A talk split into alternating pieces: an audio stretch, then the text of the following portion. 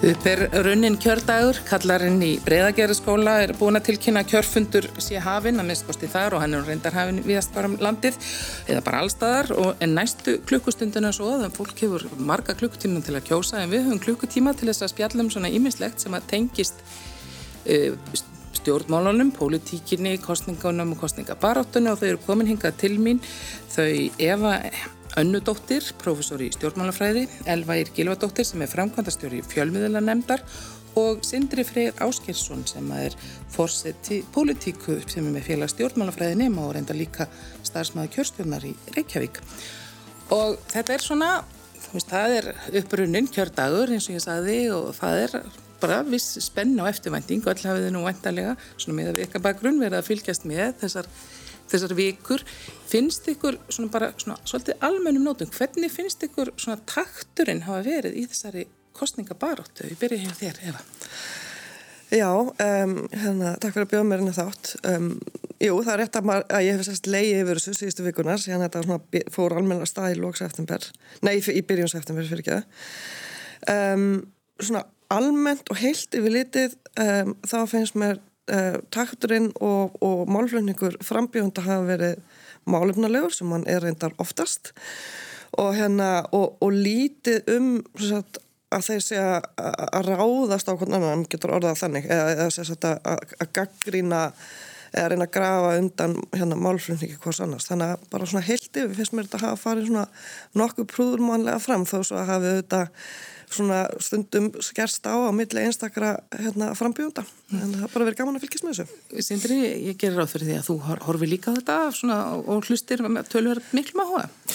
Já, ég, ég hef búin að vera því þetta er hérna, ég er enda sko, það er langt síðan hérna uh, mér finnst hérna þetta hafa farið sko hægt á stað. Þetta er búin að vera hérna lengi. Maður bara var strax sko eitthvað inn í byrjun sumar sem fyrir sko var að vonast eftir því að, að, hérna, að þetta farið svolítið að byrja en kannski skiljanlegt að það búið að vera sumafrí og svona en, en, en svo fóruð ekki að stað fyrir nefnitt, já, byrjun september jafnvel fór dróst svolítið á langin eitthvað en það byrjaði almenlega þannig að það hefði verið gaman að hérna, fá meiri svona pólitíska umræðu Þetta hefur samt verið svona nokkuð snörp, einmitt kannski vegna tímasetningarnar, þá menn svona heldur kannski svolítið að sér höndum í sumar og, og svo Já. bara brast á með fullum þunga, svona sem að við að minnst kosti sem svona almenni hlustendur og örverðum vörfið þó að menn hafi setið á raukstólum væntanlega í allt sumar. Jú, jú, og kannski hérna, einmitt, fólk hefur engan áhuga að hlusta pólitíkina í sumarfríinu sínu, þannig að það er kannski skiljanlegt, en hérna, en fyrir áhuga fólk þá kannski sakna okkur svona lengri að, aðdraðanda. Elva, svona yfirbræðið, hvernig finnst þér það hafa verið í kostningabaráttun? Já, ég kannski bara tek undir. Ég, ég, svona, ég held að þetta mötu fara á stað svona fljótlega upp á Vastlunmannahelgin. Það, það er nú yfirlega svona upptakturinn einhvern veginn á haustinn og, og ég hérna, mér finnst þetta að vera allt öðruvísi kostningabarátta núna heldur en bæðið 2016 og 2017. Við sjáum ekki hérna allar þessar nafnlausu hérna auglýsingar og hérna og svona þetta er allt miklu hófstiltara og, og, og svona ég held kannski að menn hafi líka séð það að það er kannski ekki mikið fengið í því að vera að fara svona þessa bandarísku leið þar sem að er kannski frekar að vera að nýða skóin af, af, af einhverjum öðrum frekar heldur en að segja hvað, hvað þeir standa fyrir þannig að og, og svona kannski í þessu þá held ég að það sé líka bara mikilvægt að hafa það í huga, ég menna það er náttúrulega mjög mikið vatn runni til sjáar á þessum fjórum árum, við erum búin að læra mjög mikið um bara svona áhrif samfélagsmiðlana og svo framveist þannig að, að, að hérna og mér finnst kannski að, að það sé alveg þess verði að hérna að svona rósa stjórnmálaflokkonum emitt fyrir það að þeir sameiginlega komist að þeirri niðurstöðu því að þeir settu þessi lög um bann við kostninga áróðri og síðan voru viðbætur emitt núna bara í sumar um það allar auðlýsingar og kostaefni sem er alltaf að hafa áhrif á úslitt kostningana sé mertum ábyrðamannum og, og þeir sem er að greiða fyrir þessar auðlýsingar. Þannig að þetta er náttúrulega svona það eru ástæður fyrir því að þetta er svona og ég held að það sé með bara þessi svona skilningur á því að við viljum kannski frekar hafa þetta málefnalegt. Mm. Þannig, og þér finnst að hafa, hafa breyst líka, eins og segir endar og bendir á að það hefur ekki verið mikið um uppslátt út af nafnlausum áróðri sem var svolítið ábyrrandi þegar svona fræðin að koma inn hérna fyrir fjórum. Já, og svo kannski líka eitt viðbótar sem að hérna er nú búið að vera doldið mikið umræðinu og það er það að núna sjáum við til dæmis í bara allæbriri hjá Facebook. Það er náttúrulega búið að vera mjög mikla fréttir um það hvað flokkarnir hafi verið og hérna það er heldur ekki eitthvað sem bara kemur eins og þrjum ár heiskir lofti, það er bara Íslands stjórnveld fjölmila nefnd eh, með, með hérna svona þrýstingi bæði frá mentamálaráðundinu og utryggisráðundinu, eh, sko þetta er eitthvað sem að, sem að þessir eh, í stóru samfélagsmiðla sögðust alltaf að gera fyrir öll EES-ríkin 2018 en hafi ekki gert og var ekki gert nema bara út af miklum þrýstingi íslenskra stjórnvalda. Þannig að svona, það er stundum líka dold erfitt að vera lítið leia og, og, hérna, og menn vilja þá gleymast þessum stóru fyrirtækjum en, en það allavega hófst og tókst núna fyrir þessa kostningar og ég held að þetta auki gagsa í alveg gríðarlega. Það sem er náttúrulega, uh, það sem að menn kannski svona sjá alltaf fyrst þegar menn horfa núna bara yfir sviði, það er þetta, þessi gríðalegi fjöldi frambóða sem að er, ég meina, 10, 11 frambóð, 10 á landsvísu, 11 sem að er, er hér í, Reykjavíkur kjörðam í norður, já við sittum reyndar, við erum í söður, núna sittum hér í söður, mm -hmm. en hinn, hinn megin við hérna miklu breytina er Reykjavíkur kjörðam í norður, það er 11 kostir í bóði og þetta býður þetta upp á það að myndin verður svolítið tvístruð, ef að Já, þetta er svona þróun sem við höfum bara verið að sjá síðan uh, frá því eftir efnarsunni 2008 eða sérst frá með 2013 þá er hérna, flokkum fjölga jæmt og þétt á þingi. Og við tölum um í stjórnmálafræðinni að það sé svona kvíslun flokkakerfisins, fleiri flokkar með minna fylgi. Og, og, hérna, og því fylgja ymsar uh, áskorunir, ég veit að þetta orð fyrir töðunar á sömum en, en það er alveg þannig að það er bara breytt landslægi stjórnmálunum og kjósundur standa frammi fyrir að geta valið um fleiri flokka og þeir vita kannski ekki endilega hvaða flokkar er að fara saman í, í ríkistjórn þó svo að við séum, eða viljið fara saman í ríkistjórn en við erum samt með aðeins meiri upplýsingar um það núna heldur en ofta áður. Um, þannig að og á samanskapi að þá, þú veist, ef þið vilja kynna sér öll frambjóðan kjóðstundur þá er það náttúrulega bara smá meiri vinna. Mm. En þá hefur maður líka sér óslega mikið upplýsingaflæði í þessari kostningabaratu sem hefur kannski verið svona upptaktur af eh, síðustu kostningar. Eh, öll þessi veist, kostningapróf og, og svo það sem að ungir umhverfisvendar sinnar voru með og, og það eru örgleikur fleiri hérna sem að ég er ekki að tellja upp. Ég vil þó svo að þetta sé einföldun á, á raunveruleikunum að þá, þá, þá er upplýsingar um svolítið hvar flokkarnir standa hvort sem það er í einstaka málum eða okkur hugmyndafræði vinstri hægri eða hversu opið landamæri þau vilja hafa og fleira því þeimdur og maður sér alveg á þessum eh, kostningaprófum og upplýsingum að þar eru flokkarnir ólíkir. Þannig að, hérna, þannig að ég er ekki að segja að þetta sé törlösning við, við aflösur upplýsingum um öll frambóðin en þetta er greinlega eitt hjálputækja mörgum. Það er náttúrulega almenna viðkvæði er náttúrulega alltaf þetta nú bara alltaf sami grautur í sömu skál og það sé ég lengin munur á flokkonum. Já, já. Hann er þarna samt. Það er munur á flokkonum, klárlega og hérna og ég sé það til dæmis í, í sagt, mínu rannsóknum nýlega kom út bók sem var um, um aflengar efnarsunnsins á Íslands stjórnmál, uh, ég á samt fleirum og þar sjáum við bara að fyrir hrun að þá voru kjósundur flokkana miklu nær hverjaðurum á afstöðu til félagsíkju, markasíkju og svo það sem við kallum alþjóðhyggi, þjóðhyggi. Eftir hún að þá hafa, hefur svo sett lengst bíli á milli kjósundaflokka. Þannig að þeir eru farnir að aðgreina sem er. Þannig að það er munur og kjósundaflokkana þeir gefa nú svona vísbyndigu um hvar flokkarnir sjálfastnda og við höfum líka set, set, svipað þróun hjá, hjá stjórnmáluflokkanum sjálfum. E, það er náttúrulega hefur líka þetta komið fram að það er náttúrulega flokkshollustan er ekki eins og hún var og það er miklu meir reyfing á fylgi og það er mjög stórhópu fólk sem bara í gæri eða gæri eða bara síðustu dögum á ennþá eftir að gera töksinn. Já, ég, svo sem ég held að sé bara fólk á mínum aldri á, á mjög erfitt með að ákvæða sig akkurat núna, það er svona fólk maður tala við jafnaldara sína og það er fólk bara milli fjæra flokka jafnvel og svona á mjög erfitt, fá kannski taka prófið, hérna, kostningaprófið á rúf til dæmis og þar fáðu bara allt frá hérna 82 minnur í 78% á fjóra flokka, það er bara mjög sammála mörgum flokkum, þannig að hérna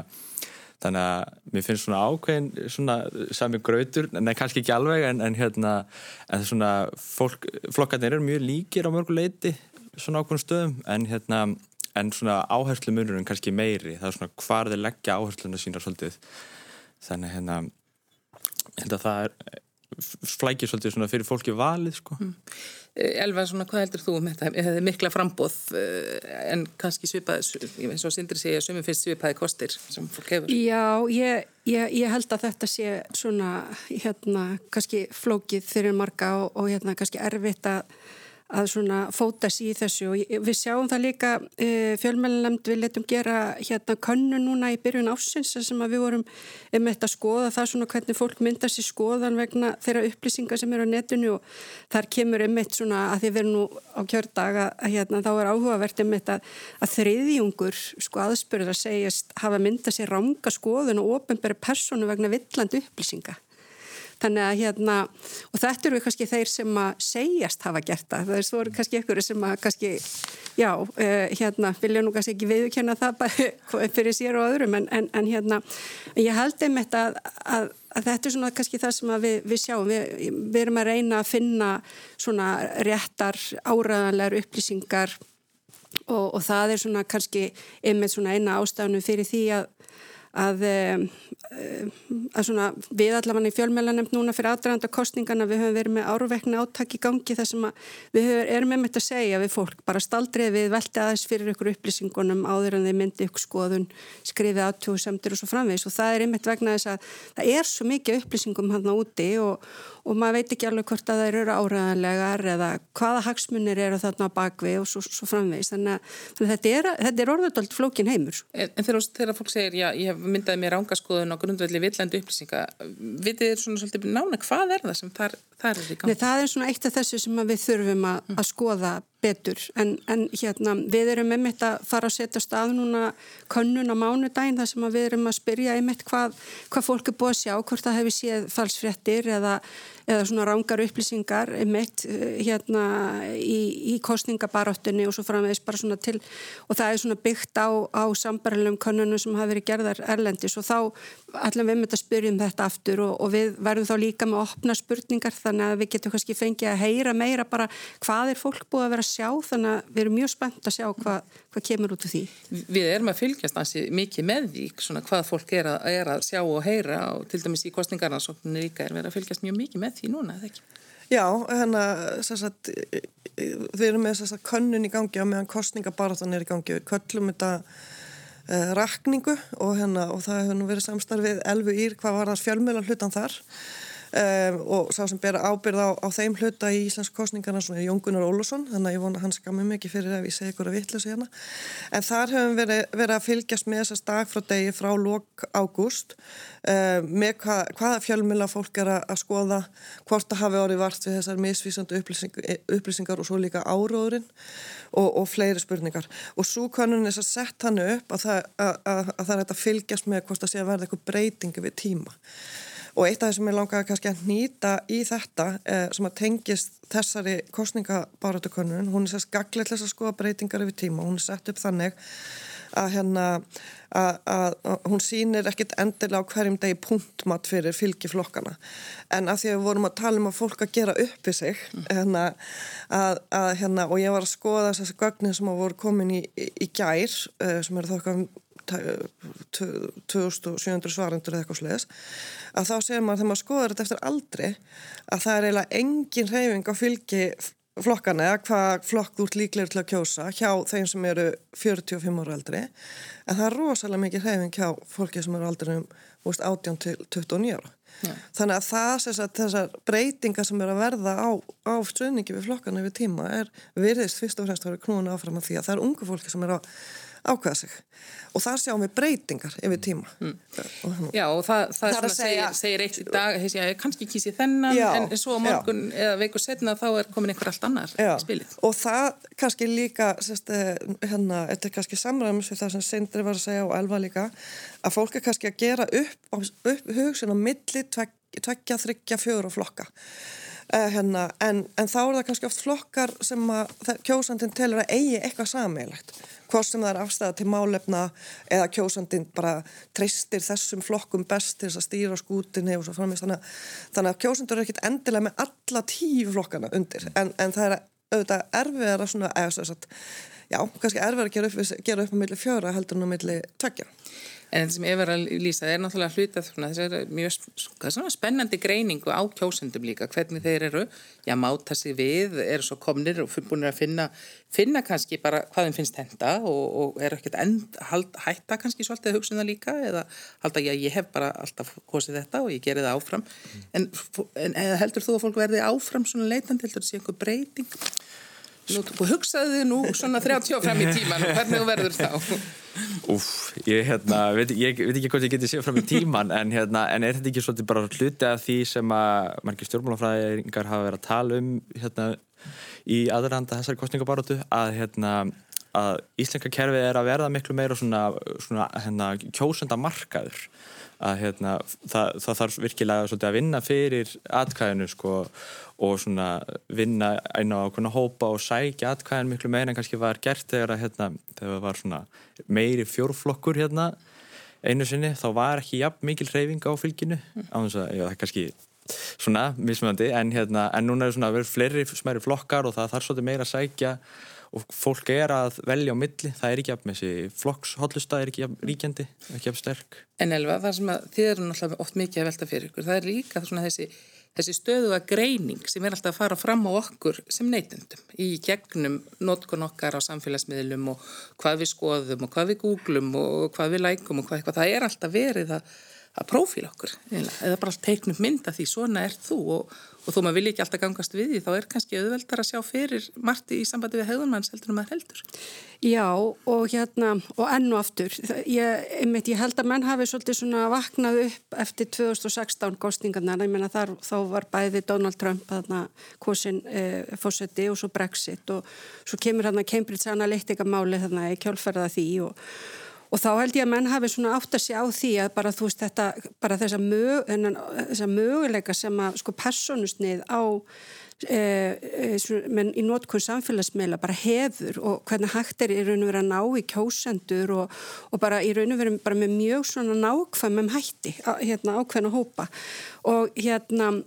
og personavend ymmit uh, hefur ymmit verið að vinna mjög markvist bara frá síðustu kostningum ymmit í þessu. Þannig að eitt af því sem að, sem að þau hafa uh, gert er ymmit að, að hérna þau voru með áleitt hérna á nótkun stjórnmála samtaka á samfélagsmiðlum fyrir kostingan 2016 og 17 og síðan Eh, hafa þeir verið að gefa út fræðsluefni núna og, stjórnmála samtökin sem nú eiga sætt og alþingi hafa einmitt verið að, vinna svona ákveðna verklagsreglu þannig að það er ekki tægt að gera hvað sem er.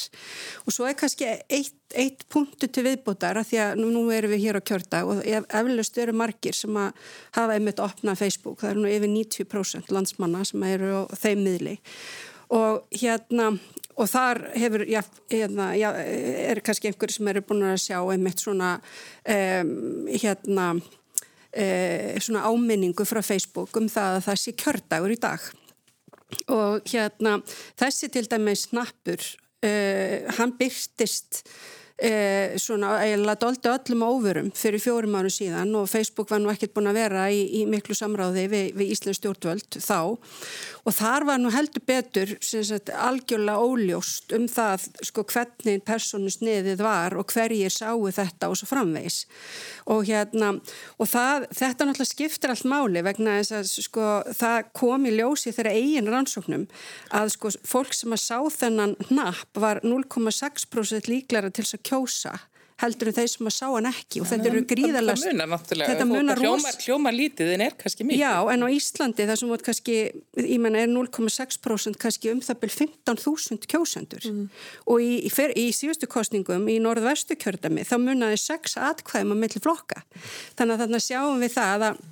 að það að bara byrtast á Facebook en til dæmis ekki á Instagram það sem unga fólkið er mm. menna, við vitum það að það er kannski þeir sem að nota Facebook eru kannski að kjósa með öðrum hætti heldur en yngra, yngra fólkið og svo framvegs að því að það er mismunandi notkun þannig að núna hérna fjórum áru síðar eru þeir að gera þetta en þeim, en þeim eru alveg óheimilt og eru ekki að nota personusni þetta á að byrtast öllum og, og þú getur ekki raun og verið ítt á neitt napp til að segja það að nú sértu búin að kjósa og svo framvegs mm. Þannig að, þannig að það eru í raun og vera allir búinir að læra, það eru allir að læra. Mm.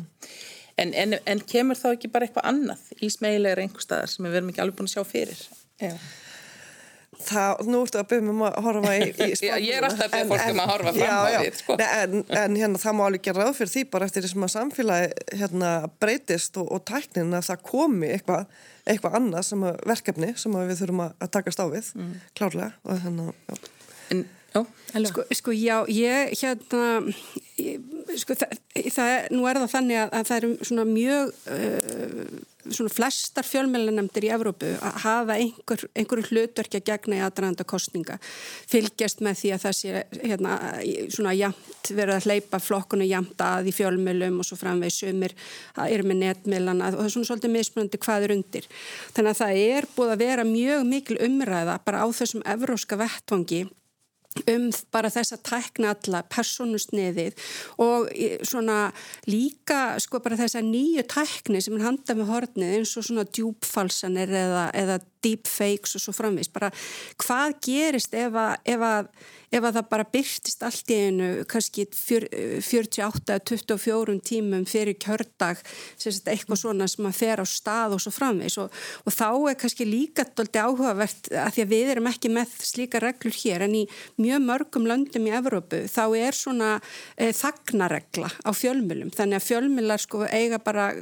svona kannski einu til tveimu sólaringum fyrir kjördag að halda sér til hles og leifa bara fólki að, að, að hérna, hugsa sinn gang. Þetta er svona hérna dark period er, er þetta oft kallað og hérna en ef að það er eitthvað svona politísk sprengja sem að kemur eins og svona það sem er verið að nota einmitt þessa nýju miðla með einhverjum svona hætti þú veist hvað gerum, gerum við þá? Ég, þetta eru svona kannski þessar stóru spurningar sem að við í raun og veru löggefin er ekki tilbúin fyrir þetta. Við vitum að það er ímislegt hægt. Eh, veist, þetta er nú kannski svona fyrir eitthvað rólegu markaður hér sem betur fer en, en þetta það, það er meiri slagsmál og mörgum öðrum mörgum. Við sjáum það nú til dæmis bara sérstaklega eins og í bandaríkjónum sko. mm. mm -hmm. En við erum hérna samt í svona þessu umhverju þar sem við erum ennþá svona kannski svolítið innstilt á það að það eru leðtoga umræður, það eru viðtöl við formennina einn og sér og þetta er, er enda mjög mikið frambóð og slíku efni líka núna víða og ekki bara í,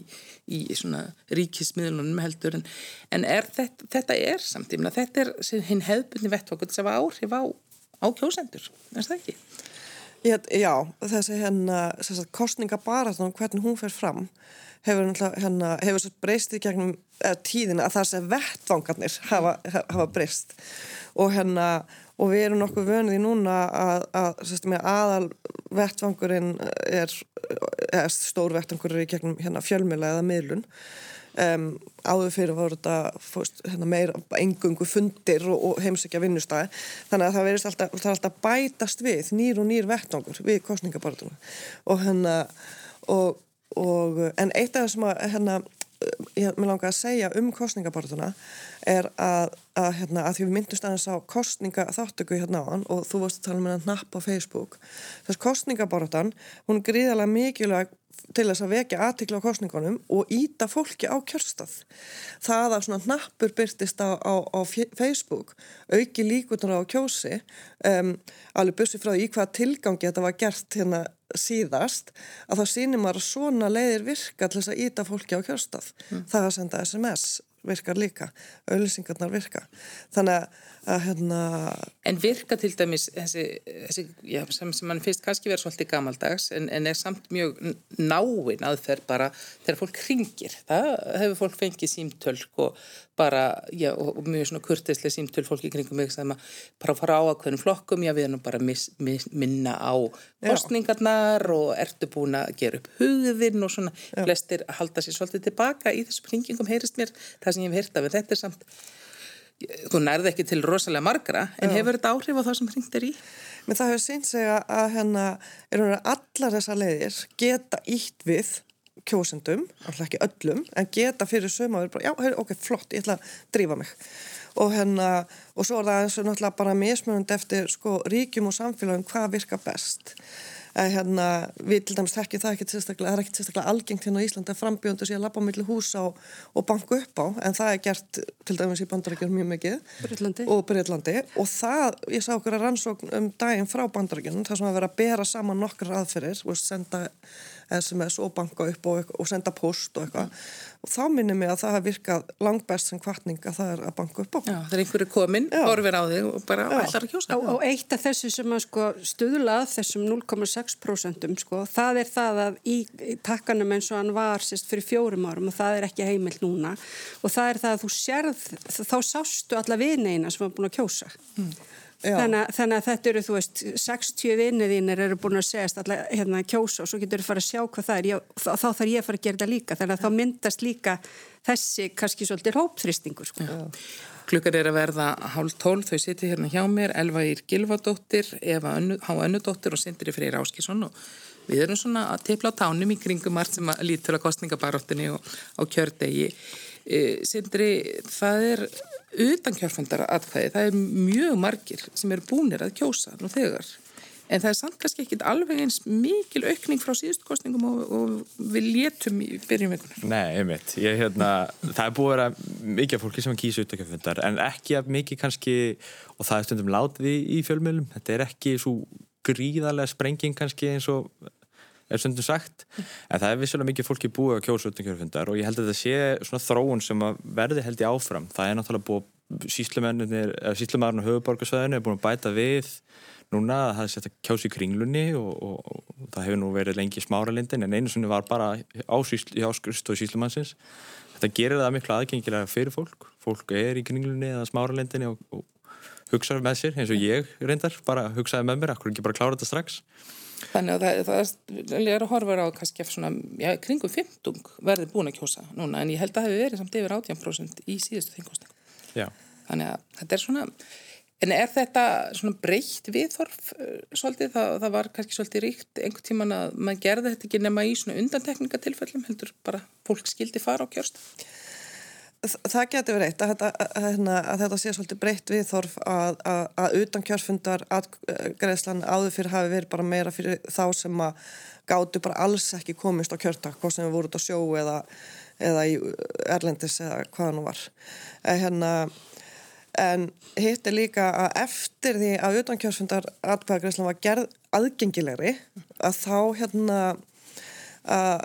þá er þetta bara möguleiki sem að fólk stekkur á. Þannig að það, það, það er ekkit endilega breytt viðþorf Sagt, ég held að kannski hluta til breytt viðþorf en að hluta til líka bara hefur nú komin tækifæri til þess að mæta hérna uh, á meðan ég, veist, eftir að ég fyrir bónus í, í kringlunni. Þannig að aðgengi, og þetta sýnir bara hvað aðgengi á kjörstöðum og kjörfundi skiptir gríðarlega miklu máli og, hérna, og ég hef nú tala oft fyrir því og ég var mjög glöð þegar ég heyrði að, að, að þessar breytingar sem við erum að gera á kostningareglunum sem taka gildi eftir þessar kostningar um,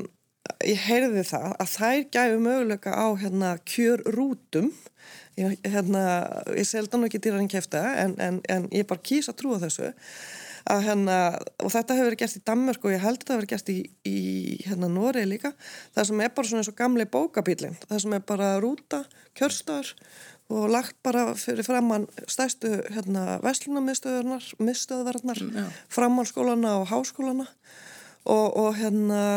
og þannig er náttúrulega svolítið verið að færa kjörstæðan til fólksins og mér finnst það bara frábært. Það er náttúrulega líka verið að bjóða upp á kosti fyrir þá sem eru í einangurinn eða svokkt kvísi, menn kannski Já. eitthvað svona þúsund, já, annað þúsund manns, þannig að þetta alls ekkert allir kjósendur þar og við sáum nú svona, ég veit ekki hvort þið sáðu, það var skemmtilega myndir af útbúnaði og reyðarfyrði þar sem var búið að tjálta í kringum reglíf sem mann getur nú notið lindar við, við kostninguna og, og hér er í bóði líka í, í borginni það sem er kallað drive-thru, sko, þannig en það var reyndar ekkert og alveg mikið svona minnskosti í byrjum svona miðja vikuna, þá er ekki mjög margir nýtt sér þetta, kannski við vitum auðvitað ekkert alveg hvað það eru margir. En það er verið að opna þetta svona. En er það í sjálfu sér þetta markmið sem að efur nú lengur verið íslingar hafa reykt sér af því að kjörsóknum sé mikil hérna, þetta sé virk þáttak það er eitthvað sem við viljum kannski flest halda í Já, ég, ég- held að hérna, stjórnmálafræðingarnir hér eru hérna, það er náttúrulega búið að ræða þetta mjög mikið hérna bara svona alþjóðlega að, að kjörsókn er að, að minka líka þannig að það að, að, að hérna að svona sérstaklega svona þessi fyrstu hérna kjósendur að, að þeir allan að mæti á staðinu og þetta verður svona eitthvað sem að, sem að mann gera bara eftir átun ára aldrei að þetta svona að því að ef maður nærði þeim ekki þannig alveg fyrst að þá er svona náttúrulega alltaf hægt á því að þau gera það ekki og, og mér finnst þetta líka bara mjög hátilegt. Ég er meitt fór og, og kaus með dóttu minni sem er að kjósa í fyrsta skipt og þetta er eiginlega alltaf svona hátileg stund. Bara að, hérna, að nýta þannig rétt sinn og líka svona bara nýr kjósandi sem er svona orðin borgari og, og hérna getur tekjur upplýsta, upplýsta skoðun og, og hérna já ég, ég, og, og þess vegna held ég líka að það skiptir mjög miklu máli hérna að nota þá þessar leiðir sem við höfum þá til þess að hveti fólk til þess að kjósa en þá þarf náttúrulega líka að vera algjör gagsægi í því hvernig það er gert og að það sé þá í raun og veru verið að ná til allra að það sé þá ekki tengt einhverjum já, þú veist, einhverjum svona einhverjum annarlegum sjónamiðum eitthvað slíkt sem við veitum ekki og, og hérna og þegar eins og samfélagsmiðlanir annars verð þá veit maður náttúrulega aldrei hvað er á bakvið mm. Mm. En einhvern, einhvern tíma sá ég einhver svona, einhver svona einhverja mynd af e, kjörsóksun eftir aldri og þá kom nú reynda fram að það er sko, hún er mjög almenn hjá þeim sem að að, er að fá atkvæðisréttin í fyrsta sinn eru komnir orðin í orðin í átján ára eða hafa orð, orðið það síðan að síðast á kosið svo svona tókur smá dífu og svo óksun aftur heldur að það geti stemt sindri. Um, svona fólk, fólk fer ég menna Elva fór með, með hún, þú fer með mömmu og pappa já, að kjósa líka einmitt. kannski svolítið svona og, og það er eitthvað sem fólk sumir hafa sum býða eftir. Að þeir eru bara ég veit ekkert hvað ég vil gera en, en, en kannski flestir í fyrsta sinn munum nýta þetta. Já, já það hérna ég held að það sé og kannski líka með öllum þessum sko hérna, verkefnum skugakostingarnar og ég kýst það er svona verið að kenna þessa líðaðisvitund sko. Þannig ég held að þegar að fólk hérna fær fyrst eh, kostningaréttin þá nýtir það hann það er, hann er mikilvægur fyrir fólki Uh, ef ég á að spá í það hvað geti orsakað þessum, þessum, þessari dífu hérna, hvað sé, var það um, um síðu 20? Já, var, já, svona upp á 25 held ég, þá, þá svona það er svolítið dipp svona, eða svona dísmá dífa. Fólk sé ekki mynda fjölskyldur og fólk missir svolítið kannski áhugan á þjóðmáluðum, það er kannski mm að það einblýna aðra hluti. Á þess að við segjum þetta án allra ábyrðar en, en, en, Þú ert hér fulltrúi unga fólksins í, í þættinum og hefur það allt á herðunni En var það ekki þannig meitt í kostninga að það voru yngstu og eldstu aldursópur sem er að skoða þetta mest eða hvað? Með kostninga Já bara allt þetta hérna, svona efnis með tengtu kostningarnar og svo fram þess að það var ekki eitthvað frett upp úr íslensku kostningarannsókninni þess aðlis Nú þóri ég ekki að fara með það, kannski var það Jón Gunnar Olsson. Já, já, það var, hann, hann, hann sendi þetta á mig en, já, en það já, var allavega, en þetta var doldið áhugavert, sko, en það voru þessir yngstu og, og svo svona eldsti hópurinn sem hafa vertist verið að eigða mestum tíma til þess að skoða en, þetta. En ég, en ég með okkur hérna kenningu um hérna, þetta, til þess að hérna, þetta, það, og þetta er, ég hef séð þetta annars staðar líka öðrulöndum, að það er að segja að hérna ári sagt, hérna, sem að ef það er kostningar á árinu sem það átt ammali og ný, nýkomið með kostningarétt að þá ertu aðeins líklegri til þess að mæta á kjörstað heldur en þeir sem eru 18, 19, 20, 21 mm. og hérna og nú bara hendi ég þessu fram hérna sem kenningu að þetta sé svona nýjunga áhrif bara mm. þú ert 18 ára árinu það eru kostningar og nýkomi kostningaréttin og ætla að nýta mm. svo en ef þú ert hérna vil svo til að þú hafa verið orðið eins og þegar ég fekk kostningarétt hérna 1991 í þremur árum eftir. Þá misti ég að mig að kjósa í kostningunum þá. Og mátti ekki kjósa fyrir einhverjum árum setna og þá var ég bara búin að vera með hana kostningar eftir einhver ár og bara og þá hérna var það ekki svona jafn svona mikið fyrir mig, ég mætti á kjösta en þá er ég hugsað, hérna mögulega væri það ekki þá svona jafn mikið svona kvartning til þess að drífa sér að nota sko. En þá er kannski gott hérna svona að maður hugsa til þess að, að ég menna ef við erum þá bara með þrjú ár í rauð það er fórsetakostningar, alþingiskostningar og sveitastjórnarkostningar, það er nú yfirleitt alltaf eitthvað í gangi hérna. Já, já. En það er stöðut verið að brúka þetta og alltaf einhverju sem er með splungun nýjan og, og já, hérna skínandi, skínandi réttina. En auðvitað kjörfundar atkvæðin, menn hafa líka talað um það svona þessi miklu fjöldið að hann getur orðið til þess að eh, svona draga að talningin dragist á langin. Er það fannig? Það er náttúrulega, sko, það er náttúrulega það að í lögunum er það þannig að þú mátt nýta atkvæðið aftur á kjördag þóttu sér búin að, hérna, að kjósa utankjörfundar þannig að það fer á svo mikil vinn í það að, að sortera og flokka hvað þeim senda út á kjörstaðina og, og fólk þarf að geima það og í lestum kössum og, og svo út í þeir tilvíkin sem að einhver mætir og, og ætlar svo að kjósa aftur. Þannig að um, það var nú til umræðu hérna þegar að kostningalögunum var breytt hvort að þetta taka fyrir þetta. Og þá væri rauninni Atkvæði greitt væri bara atkvæði greitt væri atkvæði greitt það er sumstað þannig í heimi uh, og þá er bara að byrja að telja bara strax um morgunin og þá kannski væri við að fá fyrstu tölur um sexleitið mm. uh, en þetta er ekki svona á Íslandi uh, Já þá eins og núna er þá ættu með þá alveg 20.000 atkvæða stabba sem hægt væri að mæta með bara um leið og kjöstuðu með lokað, mann hefur stundum En þetta er, Já. ég veit ekki, við, það verður ábyggilega spennandi skoðast í kostninganóttið því að með að við svona síðustu skoðanakannir þá er þetta svona mjög óljós staða hvað kemur upp úr. Mm. Elva nefndi hérna þessa svona, þessa, þetta tímabil sem sumstaðar er það sem að menn meiga ekki, það er viða til þess að menn megi ekki byrta kannanir Já. í einhverjum, einhverjum tímaramma í kringum kostningar. Hvað heldur þú Eva um það? Hver eru skoðanamyndandi áhrif skoðanakannana? Hennar, þetta er svona, svona eir, eða, þetta er mjög gömul umra þú veist, rannsóknir sína að skoðanakannanir hafa ekki endilega þau áhrif að verða að vera skoðana myndandi. Þar að segja kjósundur þeir standa, eru á ákunnu litrófi í stjórnmálum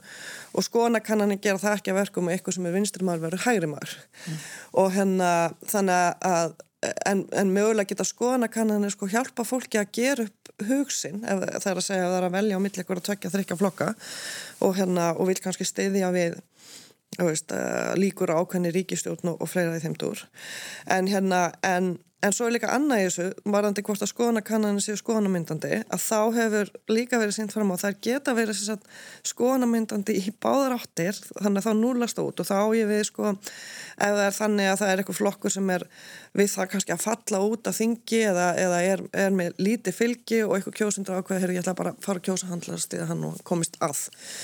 Og svo eru aðri kjósundur sem sjá að eitthvað flokkar er að, eitthvað flokkar er að auka gríðilega vissi og stekkur þá á í raun og veru þá hérna vinning í sigurveri sko. og auðvitað ef þetta gengur svona í báðar áttir þá er hann ætti að nulla út sko niðurstöður hérna kostningana eh, hérna, en það má alveg horfa á skoðanakannanir með þeim hætti að þær eru sagt, hérna gefa kjósundum upplýsingar og, hérna, og áðurna að það er farið í þær aðgerðir að banna skoðanakannanir nokkrum dögum fyrir kjördag vegna þess að, að þær væri þá skoðanamyndandi og þá held ég að það þýrtu sko frekar rannsóknur því. En það eru auðvitað hægt að taka fyrir þær af öðrum ástæðum heldur en að það að það séu skoðanumyndandi. Af hverju þá? Hverju ég, ég bara, bara hérna, er ekki með einu svona ástæð hérna á, á mm. taktinanum en, en, en að það væri eitthvað aðrar ástæður fyrir því sem að væri kannski til þess að venda líðra mm. á, á einn eða annan hátt og þá þurfti þær að koma fram. Finnst þér alveg að þetta væri æskilegt í raun og veru þetta sem að nefna með svona innan gæðsalapa þöggunatímbil er þetta ekki bara, sko, er ég, bara búið að skrítið? Það sko, hljómar þannig fyrst manni. Jú og ég, það, ég kannski var að nefna þetta einmitt vegna þess að er, þetta er kannski svolítið svona gamli tímin. Ég held að þetta sé orðið mjög erfitt að fara að setja og, og, og, við, og hafa svona tímabil í dag með allum samfélagsmiðlunum og svo framvegis og ég menna jafnvel þó að það væri eitthvað skoðanakönnun sem að vera ekki byrt á í blöðum, ég menna það var ekkert mál að komast í þetta og það voru bara eh, hérna þó að þetta væri ekki auglýsinga þá getur hún farið í rosalega dreifingu á þessum tíma og svo framvegis en ég, ég, já, ég held að þetta sé kannski, ég held að sé orðið þetta erfitt bara í þessum svona gríðalegu upplýsingum sem við höfum að, að hafa svona reglur. Og, ég, og svona kannski mikið af bara þessum, ég held að maður verður svolítið að hugsa bara þessar, svona, þessar lögjöf og, og allt það, þetta svolítið svona upp og nýtt. E, og það er bara það sem maður heyri líka e, svona frá kollegum í, í, hérna, í löndunum í kringum okkur að, að svona bara rammin utanum þetta því að það er mitt eins og hér hefur komið fram, ég menna það er bara svo mikið sem hefur breytt breyst og, og ég held líka e, að, að hérna eins og hér hefur líka verið nefnt að að sko fjölmela markaðurinn er líka breytast mjög mikið, þú veist þetta er ekki bara þannig að, að leitu umræðunar á rúf kvöldi fyrir er eiginlega svona kannski aðal hérna tímin, ég menna þetta við erum með eh, hlaðvörp og það er alls konar minni aðilar og jafnvel svona kannski þeir sem að já, hérna, sem, sem er að fjalla um þessi mál þannig að, að svona út frá kannski mismunandi sjónarhornum þannig að, að og, og þannig að það er ekki kannski, það er svona kannski erfiðar að, að ná til fólks svona allra í einu þó að það séu vissulega margir að horfa á þessu leittóðar um umræður en þá er svo margt annað líka í gangi. Mm. En mm -hmm. það, það er nú stundum, fólk tala stundum um það bara svona förnum veginn og mikið er í norðin leiður á þessu og þetta er nú orðið bara alveg nóg og er, ég er búin að fá alveg upp í kókan en fólk fylgist samtölust mikið með þessari umræðu samt. Já, klárlega. Stundum bara til þess að segja þetta finnst manni sjálfum sko, sem sem framlegandi einhver, einhverja af þessum þáttum sko. Já, þetta er, þetta er heita pottsumræðin hérna, er þetta ekki bara það að hérna, fólk, fólk elskar að upplýsa sig en, en svo kannski er það ekki ánætt með framistöðuna eða, eða kannski hvernig, hvernig hérna, umræðan er. Það er meira bara það að þau hérna, þau fylgjast með og, hafa áhuga en, en, en kannski já, veit, ekki ánætt með, með það sem, það sem fólk heyrir svo Já, sem, af því að maður, maður heyrir þetta mjög oft þetta er ofta viðkvæðið sko, eins og þetta sem þessi klassíski frasi kannski svolítið þreytti sem ég vísaði til áðan sko, og þetta bara verða ágætt sko. en samt finnst mann þetta ekkert hafa verið langur tími núna eins og við nefndum hérna áðan. Þú varst bara á nóþreyju fullur í voru að færa á stað einhver umræðar sko. Já, klálega. Hérna þetta er ég veit ekki hvað hérna, hva orsaka það. Ég hérna, ætla það sé ekki bara mis, mismikill áhuga á, á stjórnmálum. Fólk, mm. hérna, fólk er kannski sumir kannski löngu búin að ákvæða sig hvað það ætla að kjósa og hafa engan áhuga að fylgjast með, þau eru bara löngu búin að ákvæða ja. En það er auðvitað svona, fólk er að velta fyrir sér einmitt, sko, við höfum náttúrulega kannski bara fyrst og fremst samt kjörsóknina sem einhvern mæli hverða á virkni fólks og áhuga á pólitíkinu Já, hérna, hérna alveg verðt að taka fram að við erum að tala um jú, að kjössókn hefur vissulega minga í alþengiskostningum á Íslandi en hún er samt í kringum 80% og er uh, til til að há með mörg önnur ríki. Um, uh, og þannig að það er einmælingi sem við höfum á, á virkni fólks en svo höfum við náttúrulega líka kannanir þar sem við erum að spurja fólk úti til dæmis hvað sem mikinn áhuga það hefur á stjórnmálum og hvort það hafi kosið og hvort það hafi hérna, hvort það fylgis með hérna, stjórnmálum stjórnmálumræðinu á, á hérna í hinsmiðlum og þá sjáum við í varandi til dæmis áhuga á stjórnmálum uh, og nú er ég að vísa þessast í íslensku kostningar hansóknuna að frá 83 að þá hefur áhuga stjórnmálum ekkert breyst almennt. Það er bara alveg jafn margir eh, cirka sem hafa áhuga, segist hafa mikinn eða freka mikinn áhuga í dag eins og 83. Samáskapið þá segjum við að það er ekki munur á áhuga ungsfólks og eldarfólks. Þannig að það, það að, að hérna, ungir kjósandur séu eh, ólíklega til þess að mæta á kjörstað er ekki út af því að sá aldursópur hefur einhvern minni áhuga stjórnmálum. Um, Og það sem við sjáum í sambandi við áhugan og, og kjörsóknina líka og aldurinn er að er eins og hefur komið fram að ungt fólk það hefur í gegnum tíðina alltaf verið ólíklara til þess að mæta á kjörsta en svo verist að hafa alltaf komið inn svona í kringum 25 ára aldurinn. En núna erum við að sjá að það gæti mögulega vera eiga sér stað á hvern kynnslóðbreyting þannig að þessi yngsta kynnslóð uh, núna sem er búin að vera með kostningarétt í nokkar kostningar í rauð er ekki að koma inn að sama skapi eins og, eins og áður og hérna og þá fer maður að hugsa sko auðvitað hvað er hægt að gera alltaf hérna snúa þeirri þróum við og, og það eitt, eitt af því er að hvernig er að koma, hvernig á maður að koma upplýsingum til þeirra. Við veitum alveg að við erum öll í einhverjum bergmálshellum hérna mm. og hérna og við veitum að, að það litla sem ég veit um fjölmjölanótkun ungsfólks er að það er nota fjölmjöla allt öðruvísi heldur en, heldur en þeir sem er eldri og það ef þú ætlar að hvetja ykkur til að kjósa að það verður að ná til hans Nú, ég, ég ætla ekki að setja að setjast í spyrlansæti en, hérna, en það, þetta finnst mér svo áhugavert já, og Við horfum að elfu Já, já. og, og sko ég, ég held að þetta sé einmitt, sko, þá eru vel að líka svolítið bara komin að því svona hvernig einmitt eins og þú ert að tala um hérna, við erum í bergmálshellum og síu bólum það sem að bara síast ekki eins og inn annað heldur en það kannski sem að, sem að svona við, svona okkar nánast umkörfi líka hérna er að tala um um En síðan svona þegar við erum að hætta okkur kannski inn í aðtóðsamdagskerfi eða fara inn í eitthvað svona spjallþræði að þá hérna síndi mitt okkar rannsók það að, að hérna að fymtungur hætti að taka þátt í umröðum vegna bara augurunar í aðtóðsamdagskerfum og, og hérna og í kjölferða því þá segir sérst helmingurna þeim sem hafa orðið fyrir því vera orðið sko varkárir í því að lýsa skoðunni sínum í umröðum á netinu út af þessu. Og fymtungur 13,5% hérna, segist sko frekar vera þá bara að tala við fólk sem er, er, hérna, er sammála sér. Þannig að ég held að þetta sé kannski líka einmitt eitt af því sem hefur breyst. Það, ég menna, við erum í bergmórshellunum, hérna, það er doldir óvægið, fólk sest oft og, og skrifar ykkurar aðtöðsamdir án þess kannski að, að velta því fyrir sér hvað afleðingar það hefur og, og við höfum séð það að, að hérna að sérstaklega svona þessi hérna yngstu hópur er að lenda doldi í því að hann bara er búin að draga sig út og, og er bara hættur að taka þátt vegna þess að það, þetta er bara, það er of mikið sem að svona áreiti og sérstaklega þá ungar konur. Mm. Þannig að, að ég held að þetta sé, sko, þetta er náttúrulega hættulegt vegna þess að við viljum náttúrulega rattir allra hópa og hagsmuna aðeila hérna heyrist og, og ég menna þannig er okkar svona agora, þessi svona, þessi vettvangur hérna skoðanaskipta, hann er náttúrulega hugsaði með þeim hætti þannig ef það er einhverja rattir sem er ekki að heyrast eða eða fólk sem að veira sig við að, að taka þátt og þá er það náttúrulega alls ekki gott og eitthvað sem við þurfum bara virkilega að skoða nánar og, mm. og, og hvernig í raun og veru það er hægt að breyta þessu. Við byrjum, já. Eitt, bara eitt varandi, hérna, varandi sko samfélagsmiðla nótkunn hérna unga fólksins, sem talsmaður unga fólksins hérna. það er hérna, þetta er svona fyrsta kostningabaratan sem fyrir fram á TikTok. Mm. Það já, er eitt sem mér finnst mjög áhugavert. Uh, það er nokkur flokkar sem maður sér þar, en maður reyndar ásvæður með að átt að segja á því sko því að algrímið á TikTok er svo rosalega sérhæft að þú í rauninni, get, það getur vel verið að ég sé á TikTok að sé bara sjá minn flokk ég get ekkert séð hinn að flokkana mm. bara eftir því hvað ég er að fylgjast með þá bara TikTok búin að lesa það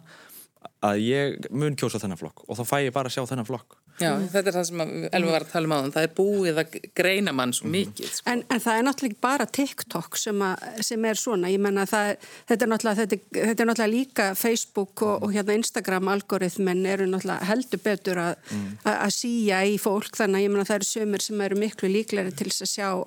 á, hérna auðlýsingar kannski frá ákvönum flokknum en, en hinnir en mm. En, en flokkarnir kannski endilega, það er ekki endilega vist að þeir viti hvaða hópar, kannski eru þeir alltaf bara að, að tala inn í sinn í raun og veru sko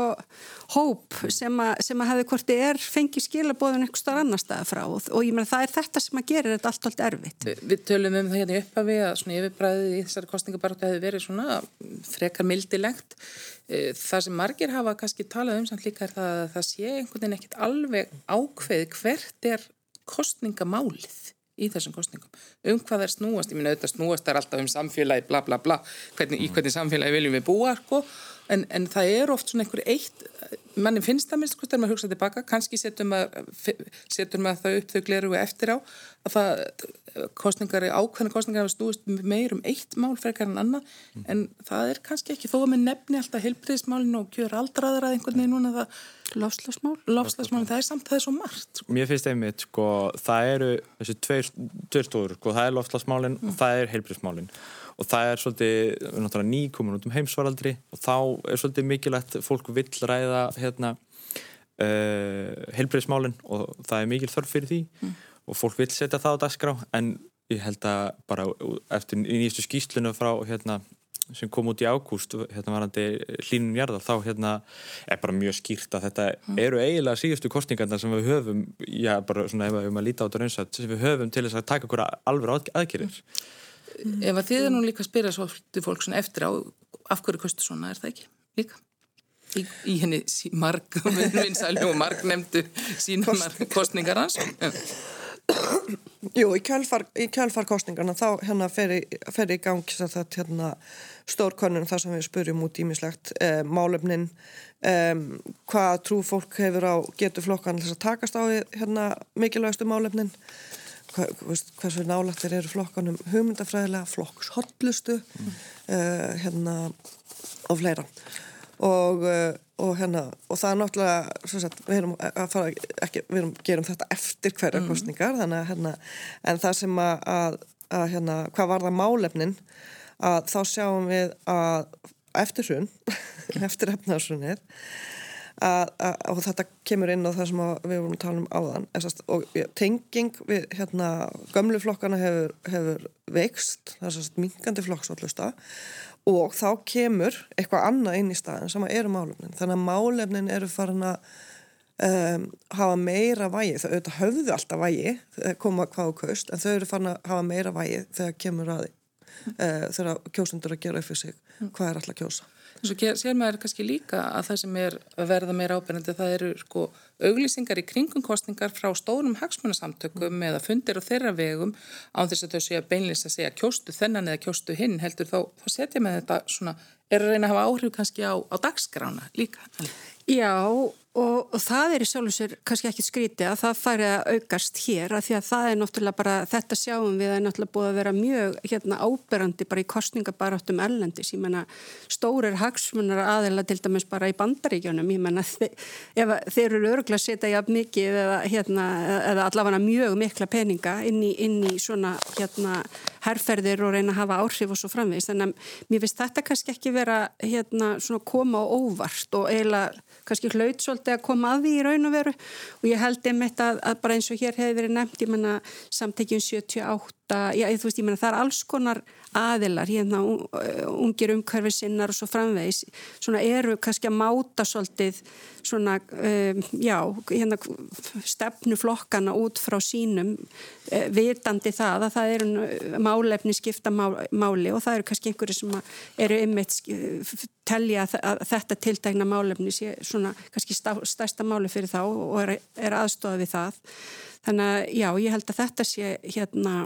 svona eitthvað sem muni halda áfram já, og verða meira áberandi eftir já, sem að fram í sækja. Ég held það sko. E, við nefndum það hérna upp líka snemma þegar það er mjög mörg frambóð í gangi, reyndar líka lítur út fyrir að verði mjög mörg þeirra sem eigi fulltrú á þingi þannig að það er oft talað um það krúst, á að hækka þröskuldun fyrir frambóð mm. eða er það eitthvað sem að er það, erum við bara, ég meina það eins og segið Það, það, hann er oftalað um hans ekki, ekki íkja hár og það er alltaf einhver frambóð sem ekki ná svo inn á, inn á þing fulltrúum. Mm. en, en það lítur út fyrir að svona, já eins og segi, miskusti með við skoðana að það verði nú nýju flokkar á þingi líkastil Já, sko, varandi þröskuldin hennan 5% þröskuld uh, að ná 5% atkvaða á landsvísu til þess að komast inn á þing að þá er hann nú svona í herrikantinum hérna á Íslandi með mörgunur þó svo að það sé líka til ríki sem er með herri þröskuld. Þessu umræðum að hækka þröskuldin eh, sem hefur, sem hefur heirt af núna Hún er kannski meira um það að hækka frambóðsþröskuldin Já, það er málið, þessu umræð er nátengt því að, að, að það er möguleikur eftir sig eftir gamlu fjórflokka eða fjóra hálsflokkskerfi Þannig að það að taka þá umræði út frá því við skulum hækka þröskuldin til þess að þvinga fram fækkun flokka held ég að verði bara mjög erfið umræð. Mm. Hérna, það er hægt að einfalda í raun og veru valið með öðrum hætti ef við viljum fá fram sérst í raun og veru færri valkosti ég meina kostningabandalög er einn valkosturinn um, mögulega erum við að fara að sjá veist, hérna, mögulega erum við að fara að sjá minni hlutastjórnum með stuðningi flokka á, á þingi og fleiraði þeimdur en það, sérst, alpunkturinn minn hér er að, að hérna að taka umræðina um að breyta kostningakerfunu til þess að þvinga fram einhverja breytingar sem að kannski mögulega hérna, hugnast, gagnast sumum betur heldur en öðrum.